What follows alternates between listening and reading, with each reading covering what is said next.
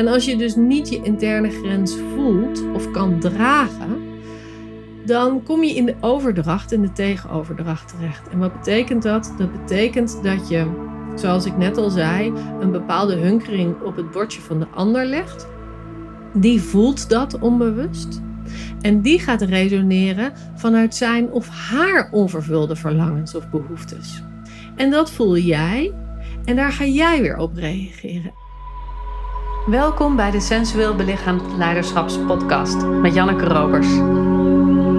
Dit is de podcast voor vrouwelijke coaches en leiders die zichzelf willen bevrijden van eeuwenlange conditioneringen die hen klein houden. En de podcast die je ondersteunt in het ontwaken van je volle vrouwelijke potentieel. Welkom in mijn hoofd, hart en bekken.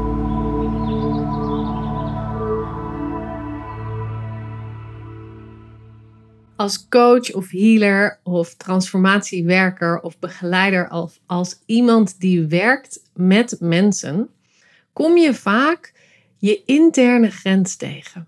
En daar wil ik het deze aflevering eens over hebben. Want het is super interessant om je eigen interne grens te kennen in verbinding met andere mensen. En ik weet dat er ook veel mensen luisteren die geen begeleider zijn. En ook voor jou is dit interessant, omdat je dit ook meemaakt, gewoon in contact met anderen. In de supermarkt, met vrienden, uh, met collega's, met je kinderen. Overal kom je die interne grens tegen. En hoe bewuster je daarvan bent, hoe zuiverder het contact met andere mensen kan zijn.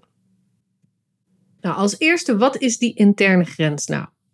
Nou, dat is de plek waarin jouw eigen pijn voelbaar is, zonder dat het nog gaat over de ander.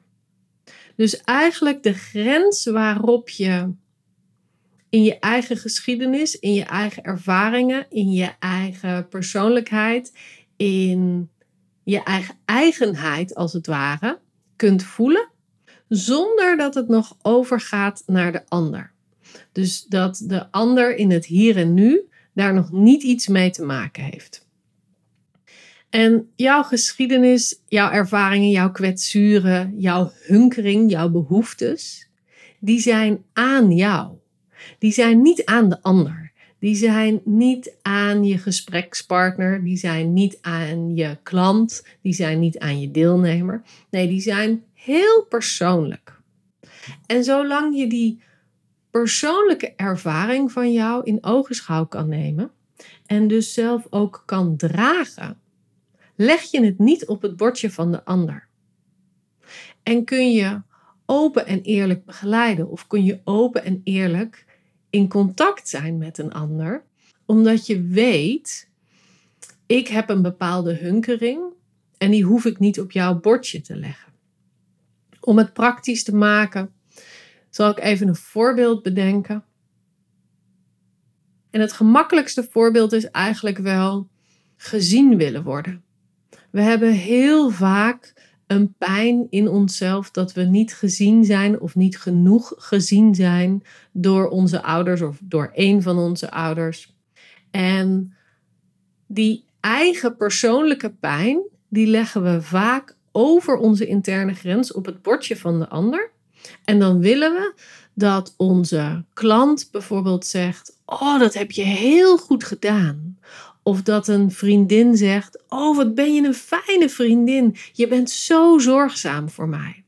Of dat een kind tegen je zegt: Wauw, mama, jij bent echt de leukste mama. Want dan voelen we ons gezien door die ander.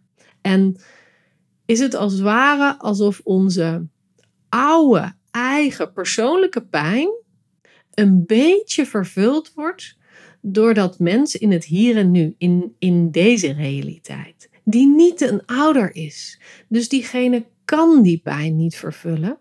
En het is ook niet de verantwoordelijkheid van je klant of je vriendin of je kind of wie dan ook. Om die hunkering, die behoefte, die pijn die er in jou zit, te verzachten of te vervullen. Dus dat is super belangrijk om je bewust te zijn van welke stukken er uit je geschiedenis met jou meekomen in de interactie in het hier en nu met andere mensen. En als je dus niet je interne grens voelt of kan dragen, dan kom je in de overdracht en de tegenoverdracht terecht. En wat betekent dat? Dat betekent dat je, zoals ik net al zei, een bepaalde hunkering op het bordje van de ander legt. Die voelt dat onbewust. En die gaat resoneren vanuit zijn of haar onvervulde verlangens of behoeftes. En dat voel jij en daar ga jij weer op reageren. En dan probeer je allebei elkaars oude wonden te likken en te helen. En dat lukt niet. Want wij zijn allebei niet in de positie om de ander die oude pijn te laten verzachten. We zijn wel in de positie om veiligheid en bedding te scheppen voor elkaar. We zijn wel in de positie om open en liefdevol te communiceren met elkaar. Maar we kunnen niet een anders pijn dragen, hoe graag we dat ook zouden willen. Hoe graag we ook onze ouders hun pijn willen ontnemen, omdat we van onze ouders houden. Hoe graag we ook de pijn van onze geliefde willen wegnemen, omdat we hem zo vaak zien en zo vaak voelen.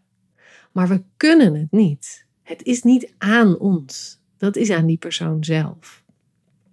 En dus ook is het super belangrijk in je begeleidingstraject dat jij dus je eigen pijnen leert dragen, zodat je niet onderhuids in de coaching of in de begeleiding met je klant iets mee laat resoneren. En daarnaast is het belangrijk dat je die delen in jezelf ook kunt toelaten in jezelf. Dat ze mogen spreken, dat je ze mag voelen. Want als jij ze bij jezelf kan voelen, bijvoorbeeld om bij hetzelfde voorbeeld te blijven als wat ik net noemde van dat je gezien wil worden. En dat je dus hebt gemist dat je gezien bent.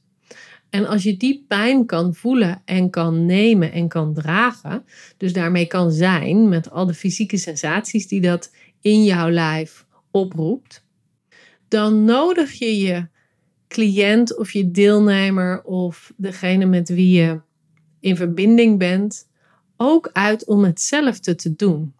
En kan diegene het gemakkelijker toelaten omdat jij er een bepaalde ruimte voor hebt geboden.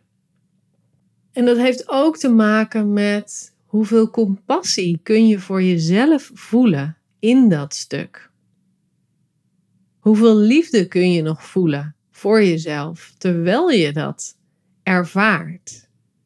En hoe groter die compassie is, hoe groter die liefde voor de pijn is, hoe meer de ander zich ook veilig zal voelen om dat stuk in zichzelf ook naar boven te kunnen laten komen.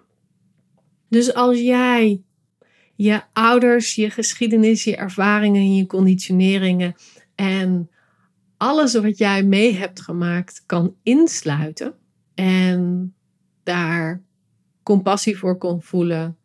En als het ware permissie aan jezelf geeft om dat er te laten zijn. En dan zeg ik niet dat je bijvoorbeeld ongewenst gedrag goedkeurt. Nee, dan bedoel ik alleen maar dat je ervaringen neemt voor dat wat het is, namelijk ervaringen die je hebt meegemaakt in je geschiedenis. Je kunt ze niet uitwissen. Je kunt je tekortkomingen niet uitwissen. Je kunt niet de gedachten die je hebt gemaakt op kinderleeftijd in ervaringen die je destijds hebt gemaakt uitwissen. Ze zijn er. Dus je hebt ze maar beter te nemen, zodat je ermee kan dealen. En dan geef je dus ook permissie aan je klant of je deelnemer om zijn of haar eigen stukken zo goed mogelijk te kunnen voelen. Nou, en waarom is dit nou super belangrijk om te weten? We hebben vaak de neiging om op onze eerste impuls die we hebben in een gesprek of een verbinding met een ander te reageren. Dus iemand zegt wat en patsboom, we reageren gelijk. En dat doen we uit conditioneringen. Dat is een geconditioneerde impuls. En die impuls die komt voort uit onze opvoeding of uit ons familiesysteem of uit de normen en waarden die we hebben of uit hoe we maatschappelijk op een bepaalde gedrag of zin of reactie reageren.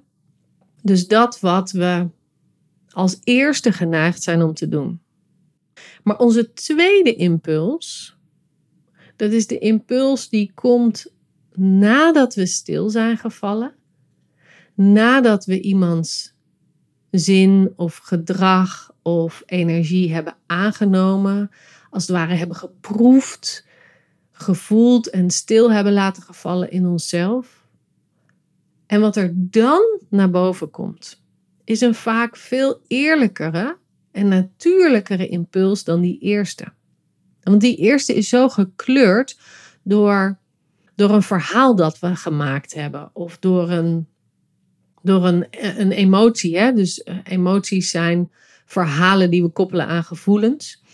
Dus die eerste impuls is niet vanuit een uitgelijnde versie van jou, vanuit de pure alwetende vrouw, vanuit de gegronde zuivere vrouw, maar die komt uit een buitenst laagje van je.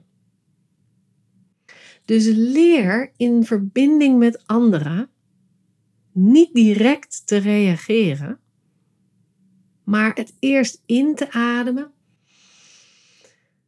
stil te laten vallen in jezelf, de pijn te dragen die er dan in jou opkomt. Want in verbinding met elkaar resoneren we op elkaar.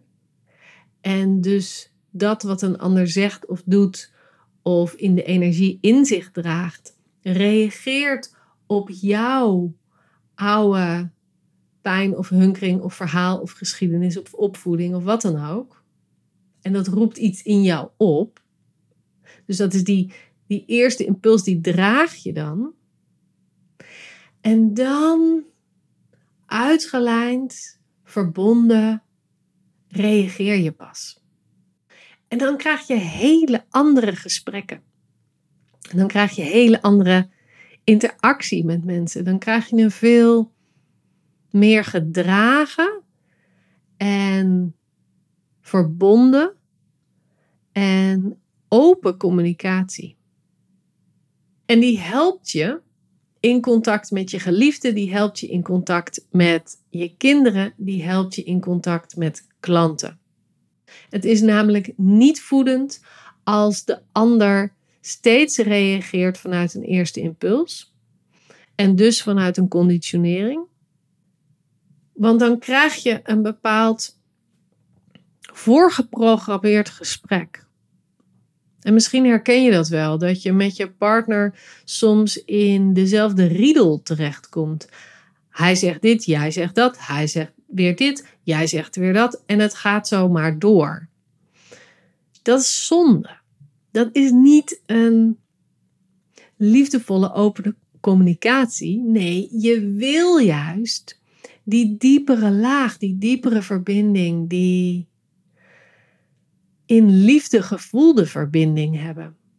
En dat wil je met je partner en dat wil je ook met een klant. Wat voor een klant dat ook is. Of dat nou een coachie is, iemand die van je wil leren. Of dat het nou een deelnemer is. Of dat het een collega is op je werk. Dat maakt niet uit. Je wil een diepere verbinding, want daar zit de echtheid. En daar zit de pure ontvangst van elkaar ook in. Nou, om deze podcast af te ronden, ik wil je uitnodigen om in het eerstvolgende gesprek dat je hebt na het luisteren van deze podcast, is te kijken wat zou je eerste impuls zijn in de reactie en wat zou je tweede impuls zijn. En kun je in die tussentijd, tussen de eerste en de tweede impuls, voelen wat jouw interne grens is en wat jij zelf hebt te dragen in die interactie. En wat in de interactie tussen jullie beiden in het hier en nu resoneert. En dat is vaak iets heel anders dan de, de pijn of de hunkering waar ik het eerder over had, die op kan komen in een gesprek. Super boeiend om te gaan oefenen. Ik weet van mezelf dat ik heel vaak de neiging heb om door iemand heen te praten. Ik vind het echt super lastig om op die tweede impuls te reageren. Omdat ik nou eenmaal heel erg geconditioneerd ben om de dingen snel te doen, met actie te doen, uh, resultaatgericht te werken. Er zit een ongelooflijke grote portie mannelijke energie in mij. Dus het is voor mij heel erg belangrijk om steeds in contact met klanten die interne grens van mij te voelen, zodat ik mijn hunkering niet op hun bordje leg, zodat ik mijn haast niet op hun bordje leg.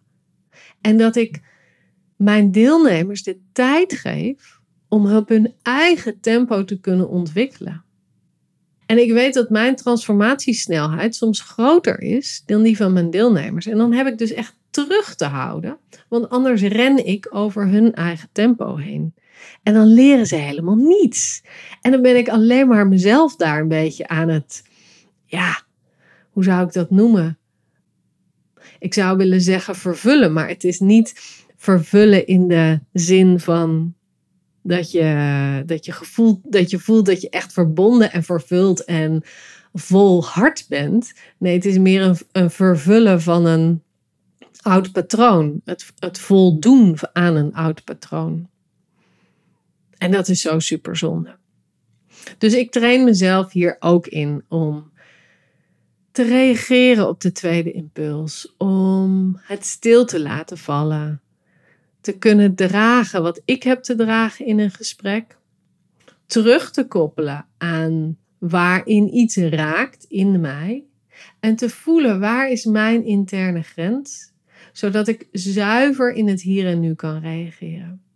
En soms gaat het beter dan andere momenten. Het is echt een, een proces om te oefenen. En ehm, nou, ik ben heel benieuwd hoe dat voor jou is, hoe dat oefenen gaat. En uh, zoals altijd geldt, heb je hier vragen over, reik naar me uit. Ik vind het super leuk om van je te horen. En ook wat deze aflevering met je doet, wat er waardevol aan is of hoe je het herkent in jouw dagelijks leven. Dus stuur me even een DM op Instagram of reik naar me uit via LinkedIn. Je bent van harte welkom en uh, connect nog even als we nog geen social media vrienden zijn. En wil je dit proces oefenen? Wil je je volle vrouwelijke potentieel kunnen inzetten in je werk, in je leven, in je liefde? Ga dan even naar de website www.jannekerobers.nl en klik op Voluit Vrouw zijn. We starten 7 september met een super toffe groep van begeleiders, coaches, healers, begeleiders, mensen die met mensen werken en vooral hun eigen vrouwelijke kracht, stevigheid, wijsheid en sensuele levenslust willen inzetten om een volwaardiger leven en werk te kunnen creëren voor zichzelf. En dat betekent niet dat je een werk en leven creëert zoals ik dat doe. Nee, dat betekent dat je dat creëert naar je eigen maatstaven, naar je eigen normen en waarden, naar je eigen design, hoe jij in elkaar zit. En je gaat dus echt dat interne werk doen om te onderzoeken wat belangrijk is voor jou, hoe jij werkt, hoe jij in elkaar zit. Om dat naar boven te halen, zodat jouw binnen- en buitenkant kunnen samenvallen en je echt helemaal landt in de ultieme vrouw die jij in potentie bent en kunt leven. Nou, ik hoop van je te horen en ik zie je sowieso graag bij de volgende aflevering. Doei doei!